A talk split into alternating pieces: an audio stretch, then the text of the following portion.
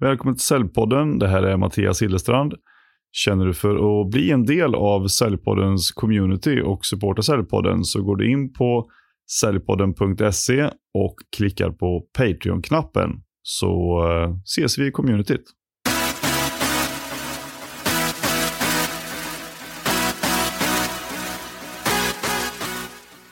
Idag har jag med mig en gäst från Ystad, nämligen Hasse Olsson från Revenue Factory. Och eh, du är kanske mest känd som eh, säljcoach och affärsutvecklare, men även eh, konsult inom tillväxt och företagskultur. Och du är ju också lite grann av en säljprovokatör som jag tänkte vi skulle prata lite mer om i dagens avsnitt. Så välkommen till Säljpodden Hasse. Tack så hemskt mycket. Du sitter just nu på Gotland och har strömlöst, men vi försöker köra det här i alla fall. Ja, exakt. Vi hoppas på det bästa. Ja, härligt. Du, varför... Eh, du, du, när jag började som eh, företagare för tio år sedan så tittade jag ganska mycket på dig då, för du hade väldigt tidigt börjat med videoinslag när du eh, presenterade olika saker inom försäljning. hur började det intresset för att släppa video som vi började i den änden? Det är ganska skoj. Det var så att jag tänkte att jag skulle bli lite mer känd för mina föreläsningar och ut och konsulta mycket kring det jag brinner för. Tillväxt, företagskultur, framförallt säljet kanske. Och mm. eh, på den tiden så hade alla sina nyhetsbrev. Nej, så, och då var det ju tanken att jag behövde ha ett nyhetsbrev eftersom alla andra hade det. Men samtidigt var det så att jag var dålig på att skriva. Jag visste inte riktigt vad ska jag hitta på att skriva om som folk vill läsa varje vecka eller varje månad. Mm. Eh, och samtidigt är det inte speciellt särskiljande. Så jag tänkte, nej, jag provar med video istället. Och vet, på den tiden var ju videofilmerna nästan 5-6 minuter långa och det är helt ofattbart. Det var att folk tittade på dem. Mm. Eh, alltså idag måste en videofilm vara helst under en minut. Absolut inte över två minuter för då kollar inte folk överhuvudtaget. Så de videofilmerna de lever kvar sitt liv fortfarande faktiskt. Jag får fortfarande affärer på dem än idag. Även när jag är både mörkhårig och smal på de videofilmerna så eh, funkar de faktiskt. Ja. Du är också mannen som har gett hängslena en ny renässans. ja, det är roligt det där faktiskt. Eh, jag vet inte riktigt var det kom ifrån. Det blev bara så att jag tyckte det var rätt så fräckt och så hade jag det och fick sjukt mycket kommentarer om det här. Så idag är det faktiskt så att om jag inte har hängslen på mig när jag är ute och föreläser så får jag massor av frågor om varför har du inga hängslen? Men eh, vad händer? Och så så att det är bara att ställa på sig dem helt enkelt. Och när vi träffades i Stockholm här för några veckor sedan så, så kände jag igen dig direkt på de röda, röda hängslena. Det har blivit så faktiskt. Ja, ett härligt signumärke. Men du, de flesta känner igen dig som, eh, som säljcoach och säljföreläsare, säljutbildare. Men det är inte det enda du gör.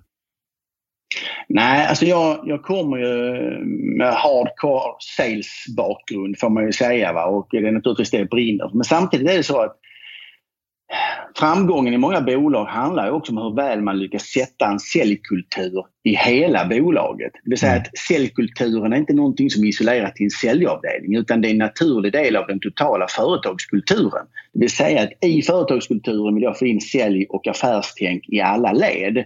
För det är någonstans det som också lägger grunden för ett bra tillväxtbolag. Det är att man har liksom säljet ända ute i alla fötter, händer, hjärnor närmst kunden i mm. alla led. Så det blir mycket företagskultur, tillväxt och försäljning. Och för mig är de väldigt intimt förknippade med varandra. Men hur, hur jobbar du med det då rent praktiskt? Ja, jag har ju de sista 15 års tiden nu jobbat som konsult i olika former och mycket har ju varit utbildning av säljorganisationer, serviceorganisationer men också operativ ledning. Det kan vara ledningsgrupp eller säljledning just det, hur driva och leda en säljorganisation, hur mäta och följa upp. Och någonstans är det också så här att när man jobbar med tillväxt och företagskultur så hävdar jag att det börjar ju liksom i, i top management och då måste man ibland byta KPI och nyckeltal för att sätta fokus på andra saker som verkligen driver tillväxt.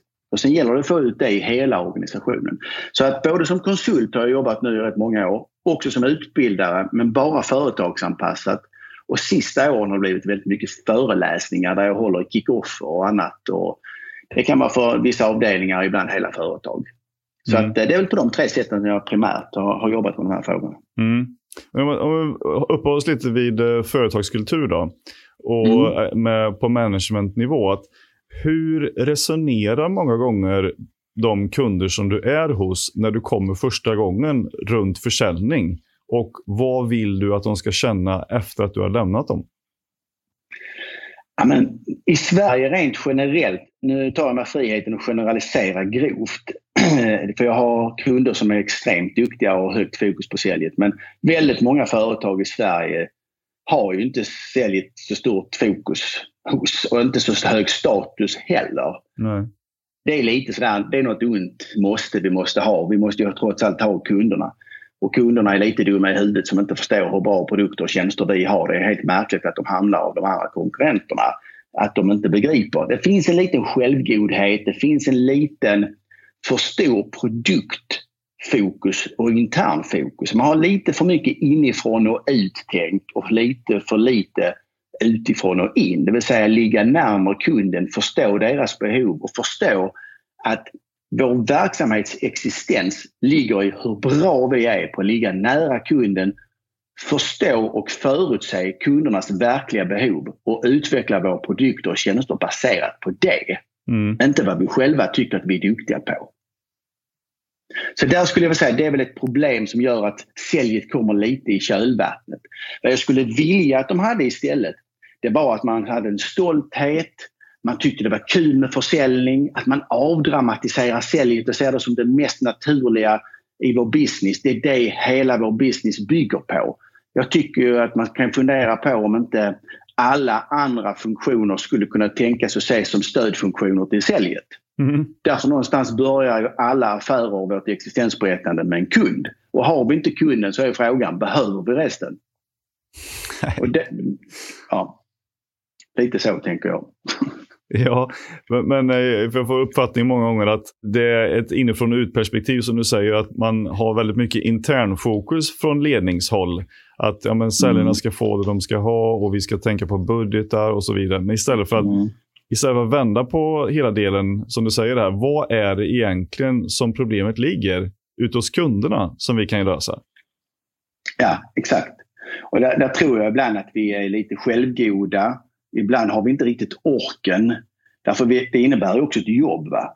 Eh, att kunderna har andra önskemål eller vi upptäcker andra behov hos kunderna som vi idag inte tillfredsställer och tar hand om på ett bra sätt. Så innebär det att oh, då måste vi ta den kunskapen med oss in i organisationen och den kommer att påverka massor av produktutveckling, affärsutveckling. Ja, du förstår. Och det är ju ett jobb att göra. Och det är inte alla företag som är så sugna på det för att vara helt ärlig. Men varför är det så tror du? Ja, det är egentligen helt obegripligt eftersom det borde vara där allting börjar. Eh, med att man upptäcker att det finns ett behov på marknaden och utifrån det så startar man en verksamhet. Men jag kan säga att det är inte helt ovanligt heller att man tittar på rätt många bolag. Det är att det är någon som tycker det är oerhört intressant med hästsportsprodukter. Wow, jag startar en hästshop. Mm. Eh, och sen så tänker jag, jag kan sälja till alla mina vänner jag känner och till ridklubben och så. Problemet är kanske inte det att man inte gjort marknadsanalysen. Finns, finns det ett behov av en hästshop till i det här området? Finns marknaden där?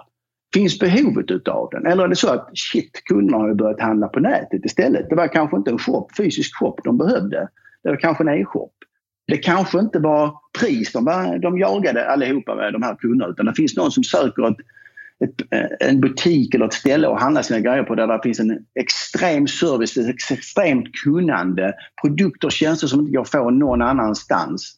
Alltså, någonstans får man ju titta utifrån vilka behov är det jag vill möta och bli bäst på att ta hand om. Mm. Hur skapar man en sån tankeverksamhet, tänker du, då, på, på bolagen? Att man riktar fokuset till utifrån och in? Ja, alltså jag, jag jag tror att det handlar om att hela ledningen också måste våga lämna sina kontor och skrivbord lite större omfattning och våga sig ut bland kunderna. Bjud in kunderna till diskussioner, involvera dem i produktutveckling, eh, involvera dem i framtidssamtal och säga bra, inom er bransch här nu kära kund, vad är de största trenderna som kommer att påverka er bransch de nästkommande tre åren? Era kunders kunder, vilka är deras största utmaningar som kommer att få effekt på vad de kommer att ställa för krav på er som leverantör till dem? Hur, hur har ni förberett er på att möta de här trenderna? Hur kommer ni att ta tillvara på de här möjligheterna? Och många av dem har liksom inte ens orkat ta i detta. Bara, kan inte vi påbörja en diskussion redan nu hur jag som din partner kan hjälpa dig att överbrygga de här olika pucklarna de nästkommande tre åren redan nu? Hur blir jag en värdefull partner för dig de nästkommande tre åren? Mm. Alltså påbörja den diskussionen nu och då måste man flytta närmare kunden. Anser jag. Mm. Men uh, vad är det liksom för frågeställningar som du ställer då när de säger ja, men Hasse kan du komma hit, jag tror att vi behöver hjälp. Vad är det för frågeställningar som du ställer till de här i en företagsledning då? Ja, alltså det, det, där, det där varierar lite grann av vad som är anledningen till att de, naturligtvis till att de, de vill eh, ta in mig. Va?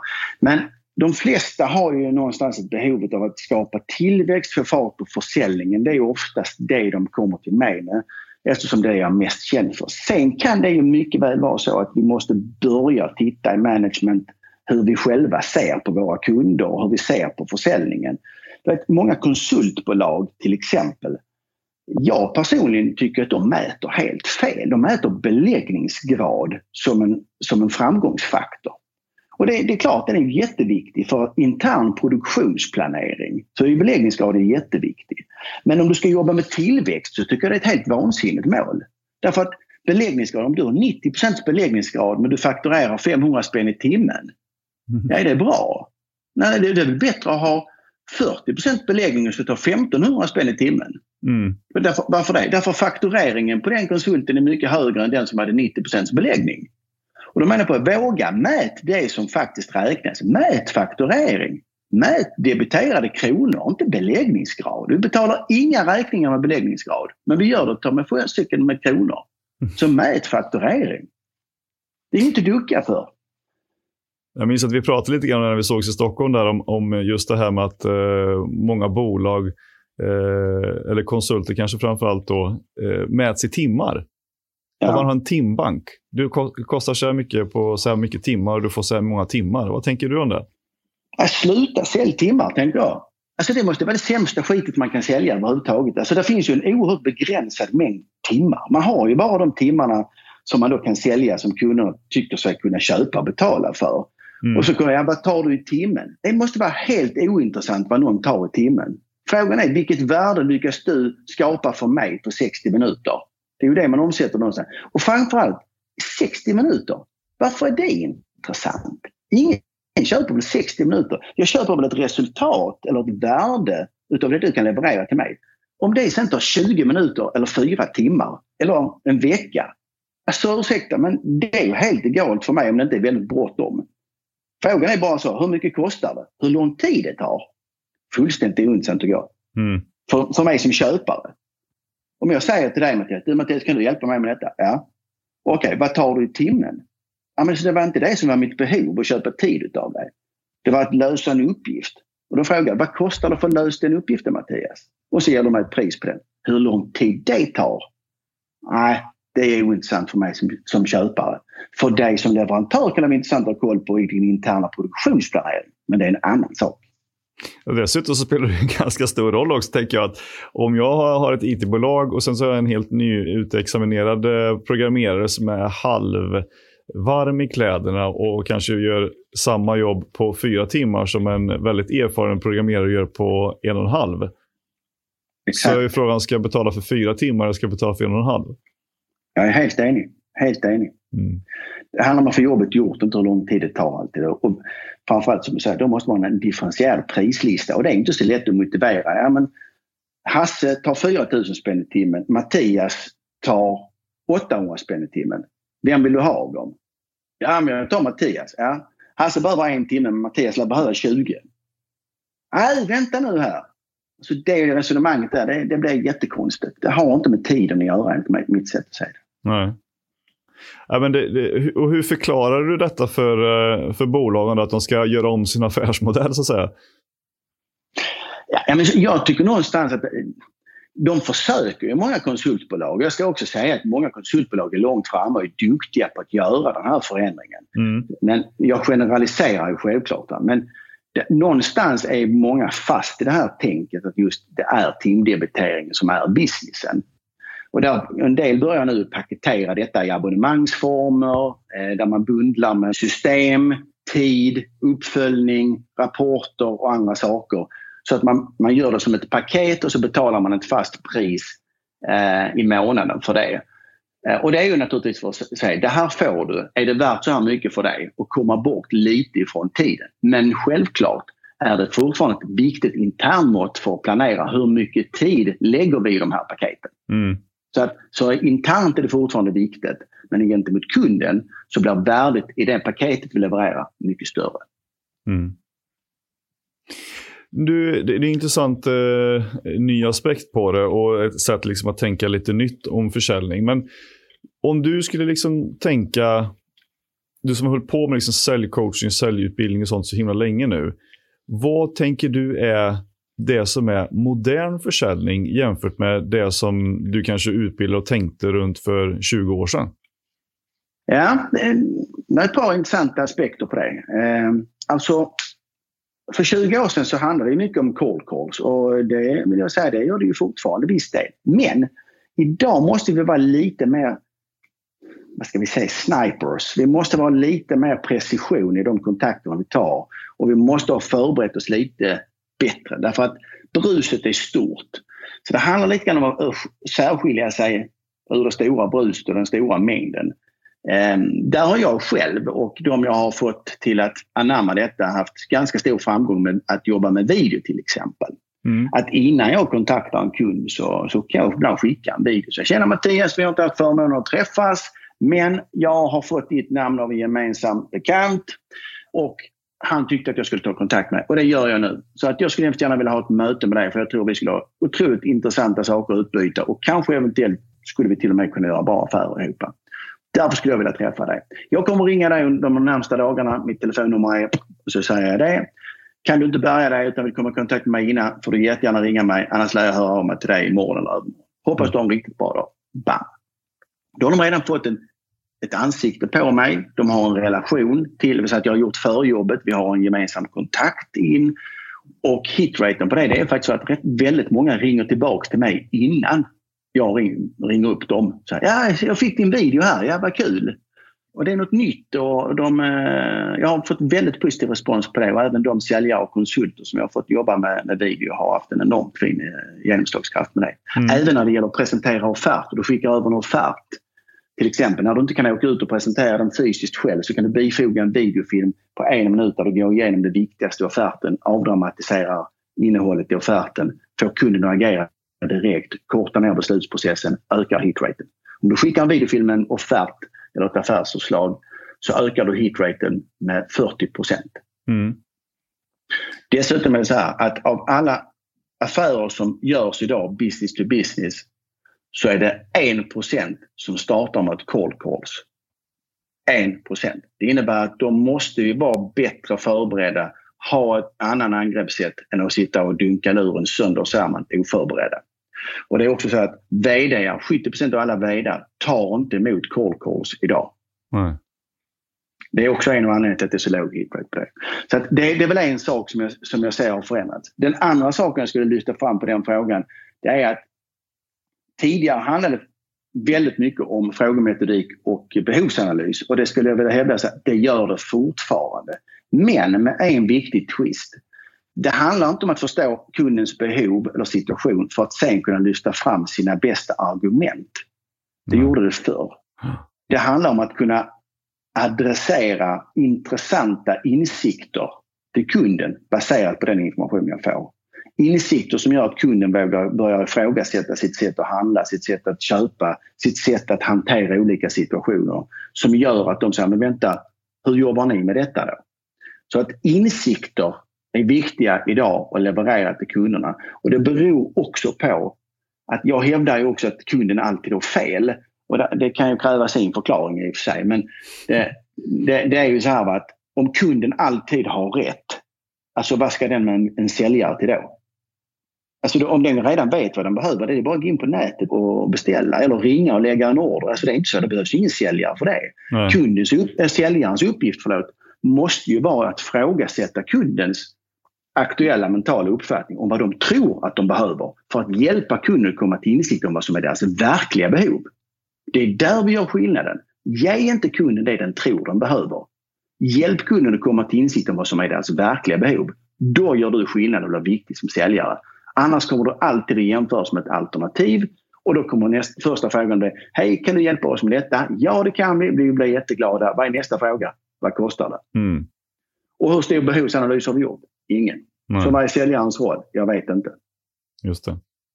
Mm. Så en, en säljare som, som inte vågar ifrågasätta sin kunds uppfattning om vad den har för behov den riskerar bara att bli en, en webbsida som andas eller en prislista som andas tyvärr. Och det är en mm. fördyrande omständighet i min värld. Ja, precis. Men de som inte fattar hur de ska, hur de ska göra istället då? Hur, eh, hur brukar du rekommendera att de ska ta det vidare istället då? Eh, för att skapa de här insikterna menar du? Mm.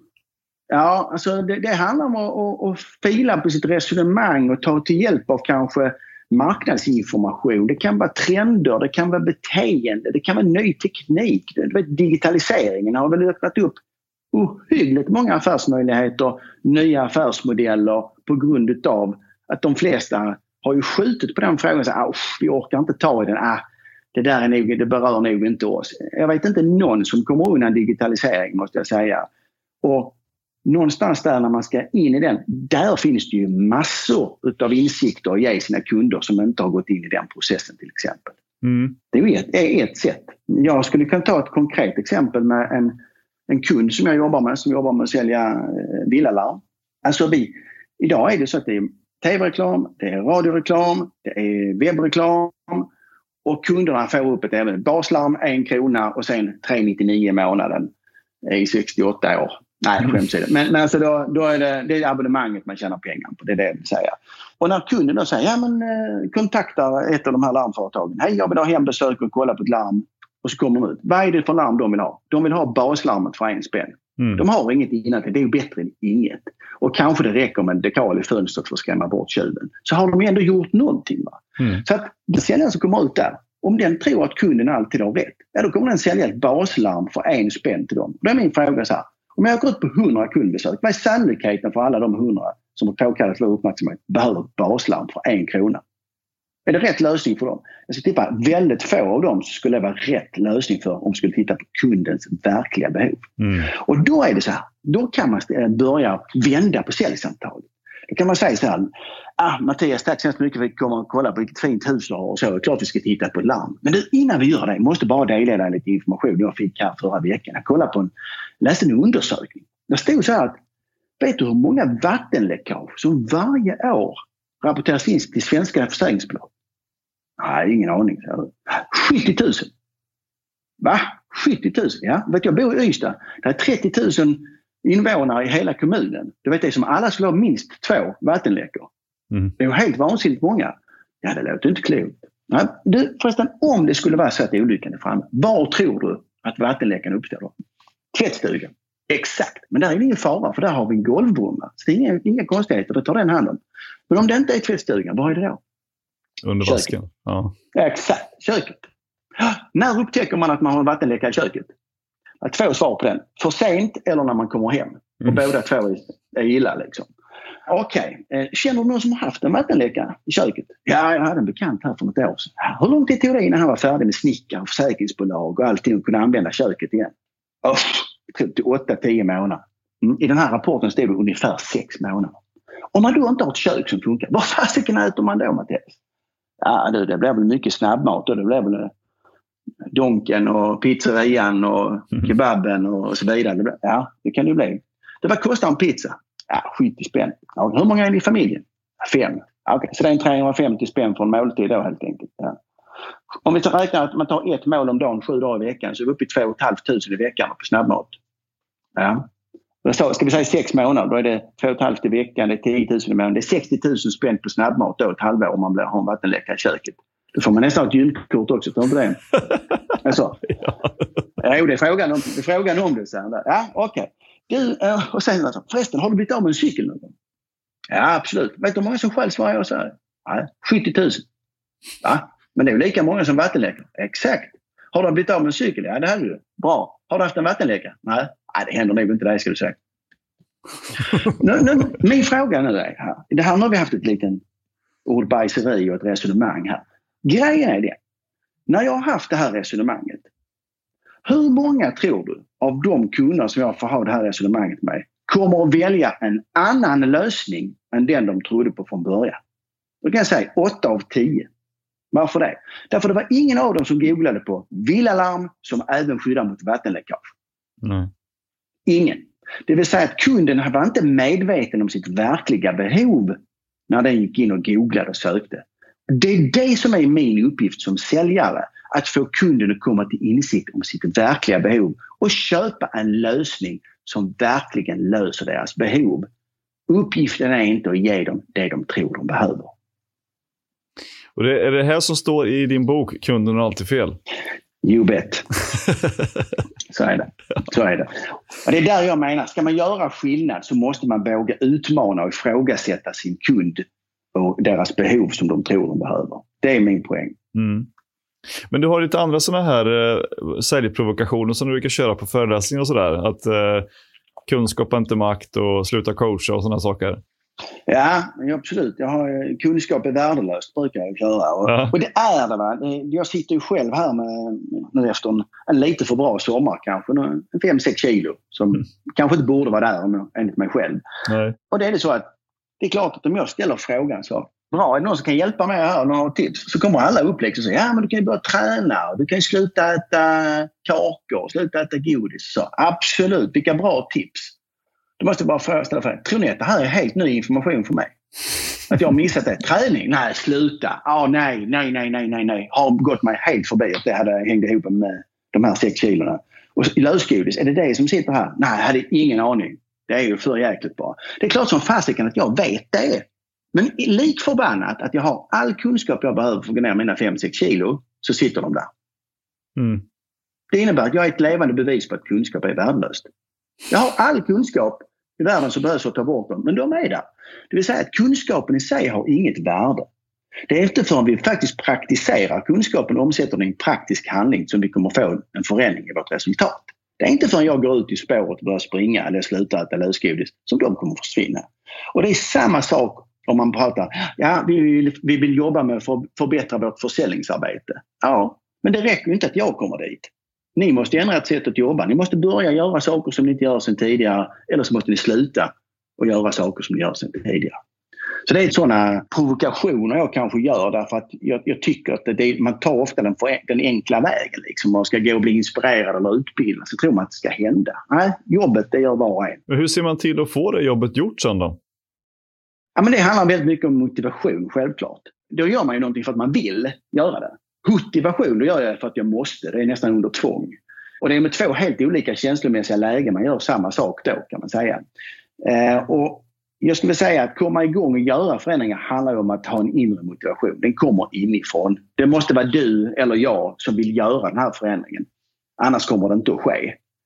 Annars kan det ju vara så att någon gör dig viss påtryckning med motivation. Att gör du inte det här får du sparken. Eller Hasse, börjar inte du träna så kommer du få en hjärtinfarkt. Mm. Vill du vara med på dina barns skolavslutningar om tre år? Ja, bra. Sluta med godis och gå ut och börja springa. Annars är det inte säkert att du är med där på när de sjunger den blomstertid som kommer. Oj. Ja, nej, men okej, jag fattar. Det är skarpt läge. Och så tar jag mig ut i spåret. Därför att alternativet var inte speciellt tilltalande. Mm. Så att någonstans, ibland kan motivation fungera som en, ska man säga, ett startskott för att bli motiverad. Men motivationen för saker och ting och förändringar att ske, det är väldigt mycket upp till var och en. Man kan inte, det är så här, jag önskar jag hade en chef som var bättre på att motivera mig. Ja, alltså, hallå. Någonstans måste du vilja själv från början. Sen kan det säkert en bra chef lägga lite ved på brasan och hålla din motivation vid liv och uppmuntra dig och hålla det vid liv och hjälpa dig att hålla i det. Det, det är sin sak. Men den grundläggande motivationen upplever jag måste komma in. Det är lite grann som att säga att man vill träffa någon som ska göra en lycklig. Ja, e exakt. exakt. Det kommer ju inte gå. Nej, alltså det, det, du måste vara beredd att göra det jobbet själv också och göra den ansträngningen. Ingen annan kommer att fixa det åt dig. Nej. Så, så är det. Men hur tycker mm. du att man ska motivera säljare? Då? För att jag stöter på det här lite då och då. att um, det kommer in nya säljare i ett bolag och de är jättepepp och tänker att nu ska vi liksom uh, in och tjäna pengar och bla bla bla. De tänker liksom de kommer in i olika bolag och sådär. Eh, beroende på vad det är såklart. Men sen mm. så märker man då efter ett tag att ah, jävla skitjobb det här är. Och det är ingen som svarar längre och kunderna tycker inte om våra produkter längre och så vidare. Mm. Och man tappar motivationen. Vad ja. tänker du att man ska göra åt det på bolagen eller som säljare? Ja, alltså där har jag en ganska tydlig uppfattning. Det handlar om extremt bra onboarding. Jim Rohn har sagt det fantastiskt bra. You have to put the system in place early. Alltså det är lite så. Du går inte med på valpkurs med en sjuårig hund, eller hur? Alltså det, it's too fucking late för att vara helt ärlig. Det, det skulle varit gjort när den var mindre än ett år gammal. Då skulle du gått på valpkurs. Alltså, och det är samma sak när du tar in ett gäng säljare. Alltså de ska in och så ska de ha en extremt tydlig introduktionsplan på minst 12 veckor. Där det är tydliga förväntningar vecka för vecka vad du förväntar dig av dem och vad de kan förvänta sig att få för stöd under processen.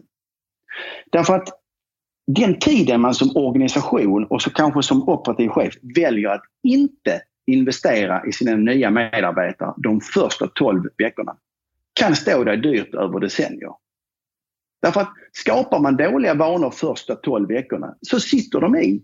Och jag tror att ibland så översäljer vi till våra nya medarbetare. Vi översäljer jobbet och vår produkts förträfflighet och marknadens efterfrågan och hur kul vi har på jobb och hur bra leads vi har. Och, med? Hela mm. det paketet så översäljer vi det. Så kommer det in där och så visar det sig att nej, men det stämmer inte alls. Och sen så helt plötsligt, nej men produkten är inte så bra och vi är ju dyrast på marknaden, det hör du ingenting om. Och, och så börjar de här tvivlen komma. Kanske inte detta är en arbetsplats för mig och kanske inte jag är bra nog och kanske säljyrket inte är något för mig. Därför ingen har förklarat för dem hur tufft det är. Nej. Och, och så har man ju glorifierat alltihopa. Och då, blir inte jag, då skulle inte jag bli speciellt förvånad om man tappar motivationen helt plötsligt. När, man, när det visar sig att det stämmer inte. Hade jag förstått hur tufft det var från början och jag var beredd att göra jobbet. Ja men då kanske motivationen hade hållit i sig för jag såg att jag lyckades ta små förbättringskliv varje vecka och kände att wow, jag utvecklas, shit, jag bidrar, wow, jag får erkännande för att jag bidrar och nu rättfärdigar jag min plats i tillhörigheten i gruppen. Shit, jag trivs, jag blir uppskattad. Men om man inte vet vilka förväntningar som finns på en, hur ska man då kunna leva upp till dem? Jag vet att du berättade för mig eh, när vi sågs i Stockholm för ett tag sedan då, att, eh, att du från din bakgrund som säljchef för ett stort mm. bolag, eh, hur du gjorde din onboarding på det bolaget. Ja. Vill du berätta lite om hur du tänkte då? Ja, absolut. Eh, nej, men jag, jag, vi, vi, tog in eh, alltså sjok, hela klasser av säljare. Vi tog, från början tog vi in en och en och det visade sig att jag hade ingen tid att, att lägga på dem. Så de, tyvärr så hade jag fantastiska talanger till sälja råtalanger som tyvärr inte lyckades och som valde att sluta och som precis som du var inne på tappade motivationen. Och det handlar inte om att de inte var bra människor utan det handlar om att jag inte gav dem tillräckligt bra förutsättningar. De fick inte rätt förutsättningar för att lyckas. Det är bara att slicka i sig det. Va? Så vad vi gjorde sen istället det var att vi bestämde oss för att fyra datum per år fick man lov att börja på det här företaget. Och då tog vi in alla. Och då tog in, kan, behövde jag sex säljare så tog vi in tio. Överrekryterade, tog in tio. Alltså, det har aldrig hänt mig att jag rekryterat in sex bra säljare av sex möjliga. Det har aldrig hänt tyvärr. Äh, det vill säga att de är bra det innebär att de har varit beredda att göra jobbet. Mm. Så att därför överrekryterade jag. Tog in tio. Då visste jag att där kan finnas sex. Var det sju eller åtta? Jag kan säga det gjorde ingenting. Så att in med dem, satte dem som en klass. De blev en, en egen liten grupp. De blev ett eget litet team. Vi som kom in på våren, vi som kom in på hösten. Eh, vi hade extremt strukturerad första vecka. Började med att vdn kom in och eh, drog vision, värderingar, vart vi är på väg och vad är vi, hur vi ska förändra världen. Och eh, peppa upp dem ordentligt. Och sen var alla avdelningschefer inne och berättade och presenterade sig vad de gjorde. Sen hade vi säljträning två dagar. Vi hade utbildning i produkter och företag. In i systemen, CRM-system, säljstödssystem. Och eh, vecka två kom de. Vi hade ute dem på kvällarna och sånt på massa roliga aktiviteter också. Så de var helt slut på fredagen. Där de sov nog hela helgen. Och sen på måndag kom de tillbaks lite omtöcknade. Vad gäller idag? Idag ska vi boka besök. Och så bokade vi besök hela dagen.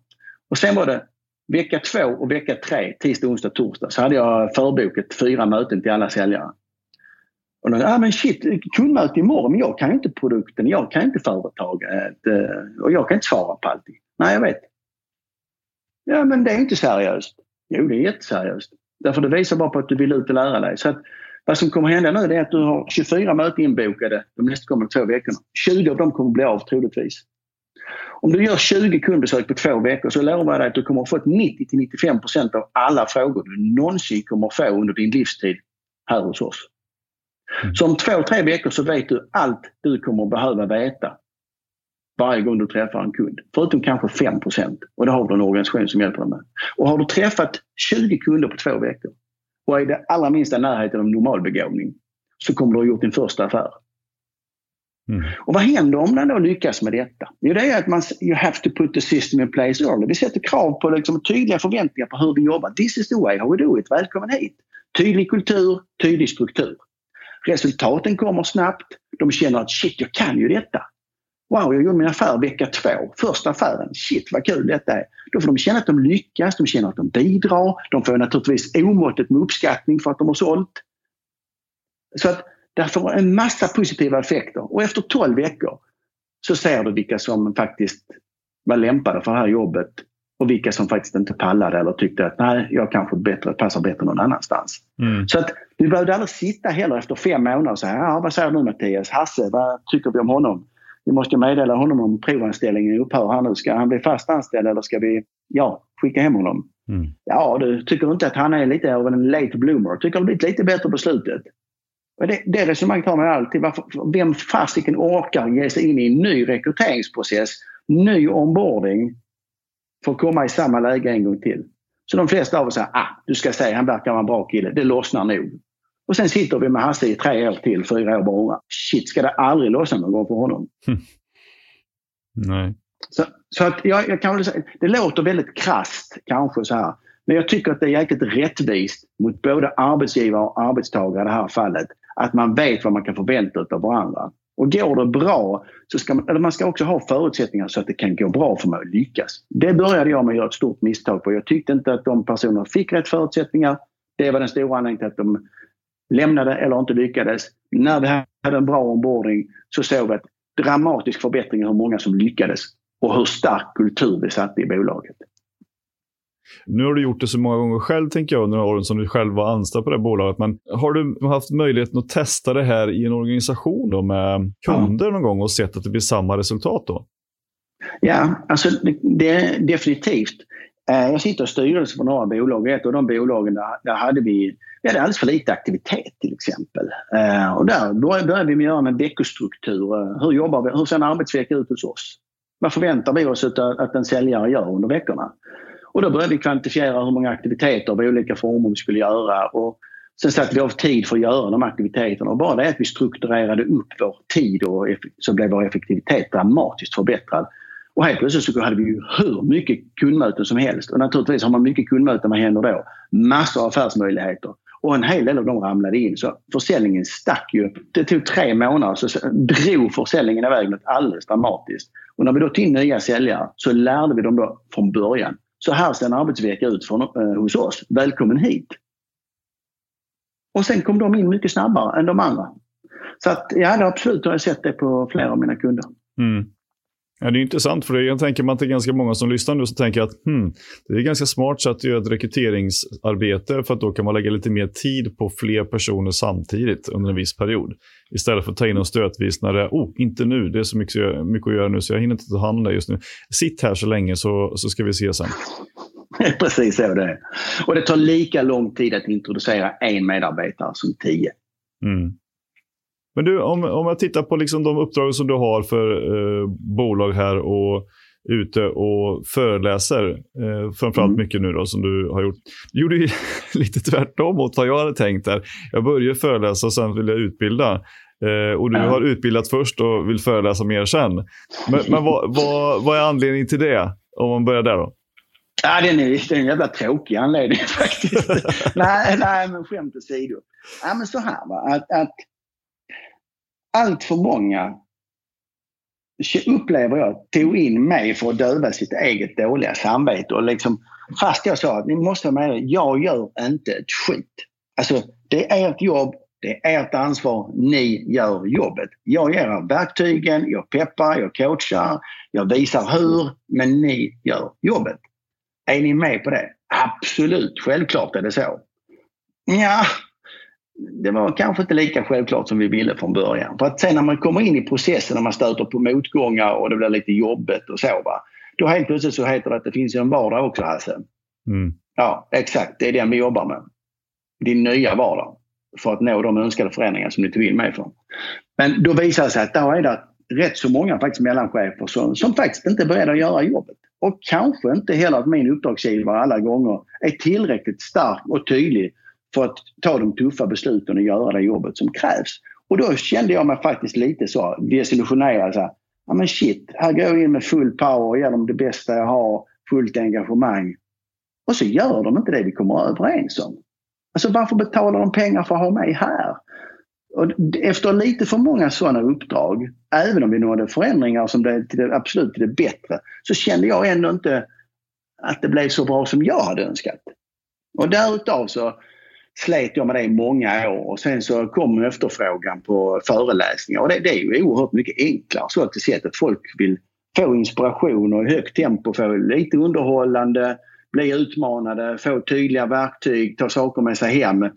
Men de är där ofta av fri vilja också. Så att de går därifrån och tycker allting är fantastiskt. Mm. Men, och då kan jag bara släppa det där. Så det var roligt att de var nöjda. Men när jag är ett konsultuppdrag i utbildningen så, så går jag hemma och sover dåligt över att vi inte har gjort det vi ska.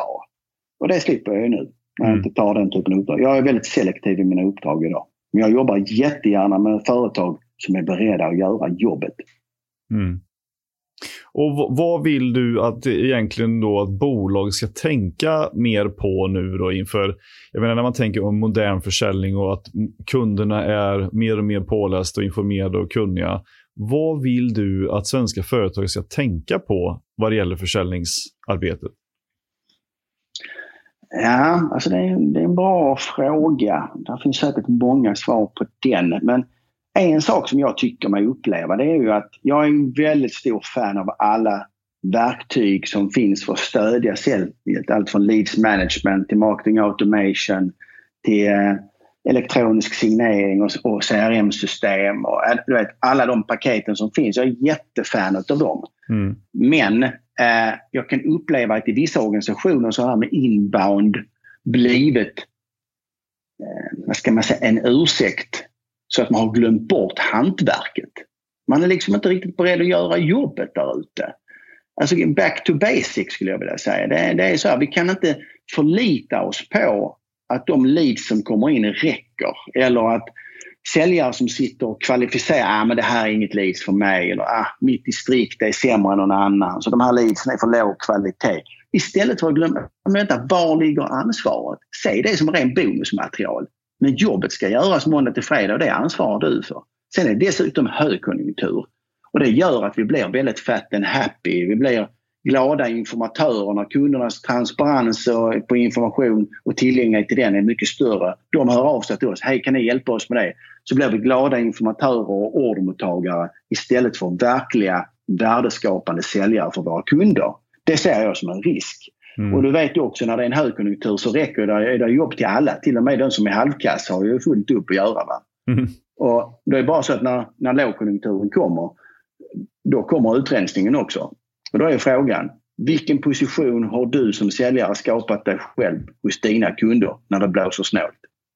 Är du en glad informatör, ordermottagare eller är du en värdeskapande affärspartner eller hur du nu vill betrakta dig själv? Vilken position har du tagit hos din kund? Det tycker jag företag ska fundera på. Vilken position har du hos dina kunder när konjunkturen viker? Mm. Vilket spår man har satt hos dem så att säga.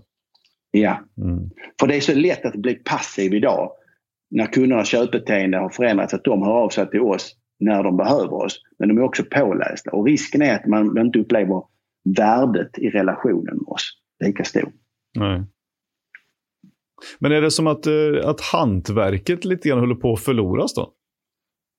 Om det är så att man ja, bara blandar får... in tekniska hjälpmedel och digitala kanaler hela tiden, att allting hjäl- man får hjälp med allting på den tekniska vägen. Är det så att det själva hantverket, säljhantverket, är på väg att liksom slipas bort? Ja, lite grann eh, skulle jag vilja säga det. Och sen är det, så, det, det, är också så att det naturligtvis utvecklas och förändras. Man måste ju det är inte så att jag säger att vi ska gå bak och göra så som vi gjorde förr. Utan jag måste, vi måste bara vara beredda att göra jobbet fast med de nya förutsättningar som finns. Och många av de här verktygen som vi kommer tillbaka till och refererar till ofta. Risken är att de blir lite mycket nice to have. Man säger shit vad fräckt, då kan man göra allt det här. Men det är bara så, om man ska investera i den typen av verktyg så måste man också kartlägga sin process och sen titta vad innebär det för vår organisation och våra medarbetare? Vem gör vad? Alltså det finns leadsgenerering, du vet när man spårar besök på hemsidan och sånt. Nu hörde jag på en VD, han var så glad för att säljarna hade nu äntligen kommit ner att det tog bara sex dagar att följa upp alla leadsen. Alltså, hallå, vakna. Mm. Sex dagar. Alltså de har redan gjort affärer med någon annan. Mm. Du har inte sex dagar på dig. Är någon inne och besöker din hemsida beroende på vad det är för business självfallet. Va? Men jag har ju kunder som alltså, de har ju så, har du inte säljaren bearbetat leadset inom 20 minuter så går det vidare till någon annan. Mm. Och, och, här måste man förstå att det, saker och ting förändras. Verktygen förändrar vårt sätt att arbeta men jobbet måste göras. Och speed is essential. Mm. Vi som företag måste bli mycket snabbare på att agera på kundkontakterna idag. Jag tror det är Jeffrey Gidamore som har sagt det bra. When the customer is high, make them buy. Mm. Du kan inte vänta in dem. Affärer mognar inte. Affärer ruttnar. Hasse Olsson.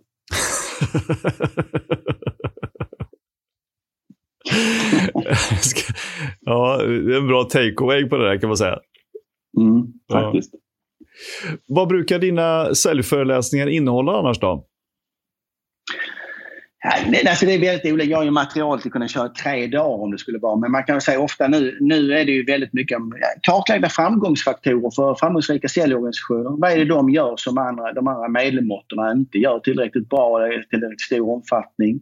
Ja, vad är det? Eh, ja, alltså de, de fem jag relaterar till då eh, som är vedertagna och nu tror jag det är Forrester som är källa till de ursprungliga. Jag kan inte det riktigt på rak faktiskt. Men alltså, nummer ett, mängden kundkontakter slår allt.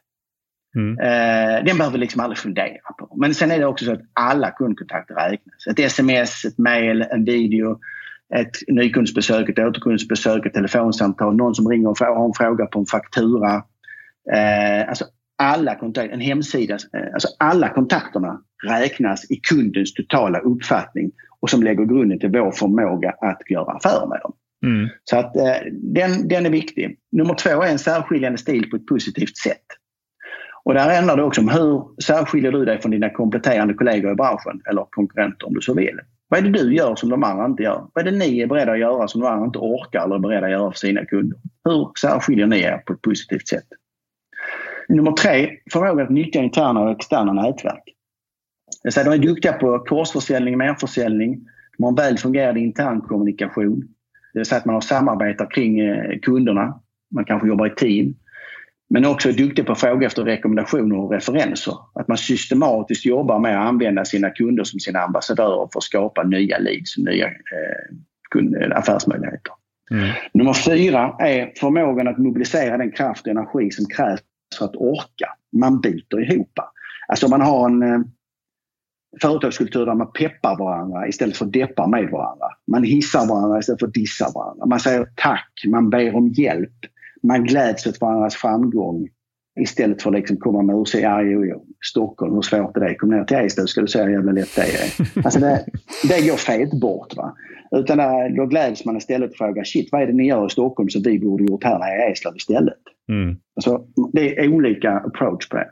Och den, den femte och sista det är förmågan att jobba med parallella säljprocesser. Att man inte säljer seriellt utan man har tillräckligt många affärsmöjligheter på gång samtidigt och man driver dem. Det gör dig till en mindre rabattartist och bättre affärsman, affärskvinna. Därför att om du har tio affärer och du vet att du måste sätta fyra så kan du vara rätt så stark i din förhandlingsposition med den kunden du har mitt emot dig. För du vet att jag har råd att tappa sex. Om du är en av dem, det gör inget, jag ska tappa fem till. Mm. Eller Men om du har fem affärer på gång och du ska sätta fyra, hur kaxig är du då? Nej. Om du inte sätter denna så måste du sätta alla de andra fyra. Du får inte tappa en enda. Mm. Och dessutom är det så att en del springer på stora affärsmöjligheter, en stor affär tidigt på året. Sen lägger de otroliga resurser på just den affären och så får de nej i november. ja, då är hela det året borta för den säljaren ofta. Mm. Så jag brukar säga det, stora affärer lägger man på toppen på de andra. Det jobbet får man lägga efter arbetstid om det krävs. Men eh, tro inte att den kommer rädda hela ditt år. Det gör de andra små affärerna eller de normala affärerna. Mm. Så det är de fem av dem. Och så brukar vi göra mini-workshops på detta. Hur man kan, vad, bety, vad betyder då de här fem framgångsfaktorerna för vårt företag i vår vardag måndag till fredag. Och så kör vi lite workshops på, på det till exempel. Okay. Så det kan vara en sak som jag kör på de här föreläsningarna. Mm. Mm. Och boken då? Hur, eh, alltså, hur får man tag på den och säljs de i samband med föreläsningen eller kan man köpa den någon annanstans? Ja, det gör de ibland. Jag tror, men du, man kan köpa dem på, på Bokus och Adlibris och, och så här. Och de finns även på, i, på Contentan och Storytel i eh, komprimerade format. Så det är en oerhört lättläst bok med, baserat på mina erfarenheter och där är lite roliga anekdoter. Och det, men mycket handfasta konkreta tips och utrymme för lite egna anteckningar som man kan ta med sig det som man själv tycker är relevant för just den som läser den. För det är mm. så här. Jag, jag har mina uppfattningar, det är mina sanningar. Det är inga, någon annan sanningar. De är inte absoluta och de är inte universala. Det är mina sanningar baserat på mina erfarenheter och alla de kunder jag har varit i kontakt med. En del är underbyggda med rapport vetenskapligt, en del är bara baserat på erfarenheter. Och var och en måste skapa sin egen fakta, sitt eget facit, sina egna sanningar. Ta det som är bra, skit i resten. Lägg inte tid på att irritera på det ni inte håller med om. Lägg tid på det du håller med om, som du tror på kan göra skillnad för dig. Det är min poäng. Mm. Och hur gör man om man vill boka det då? Ja, så det är ju ganska enkelt. Man går in på hasseolsson.se eller revenuefactor.se eller så bara ringer man mig. Det är det absolut lättaste. 070 534 0074. Välkomna! Perfekt. Ska lägga en länk till det? en sista fråga här. Vad ser du som en sanning inom försäljning som många andra inte tror stämmer? En sanning? Mm. Ja, eh, så här. Det, jo. jo. Kvantitet kontra kvalitet. Så, det, alltså jag, ja, men du vet det där med kvantitet, jag jobbar ju med kvalitet. Mm. mm. Synd, sa jag. Eh, därför att det är så här att man måste nämligen jobba med båda. Alltså, det fina med försäljning är att ju mer du gör någonting, ju bättre blir du på det. Men ofta de som säger att du vet, jag jobbar med kvalitet det är oftast en ursäkt för att, ha, ha, för att kunna ha så låg aktivitet som möjligt. Ju lägre aktivitet man har, ju, ju proffsigare är man, vilket inte stämmer.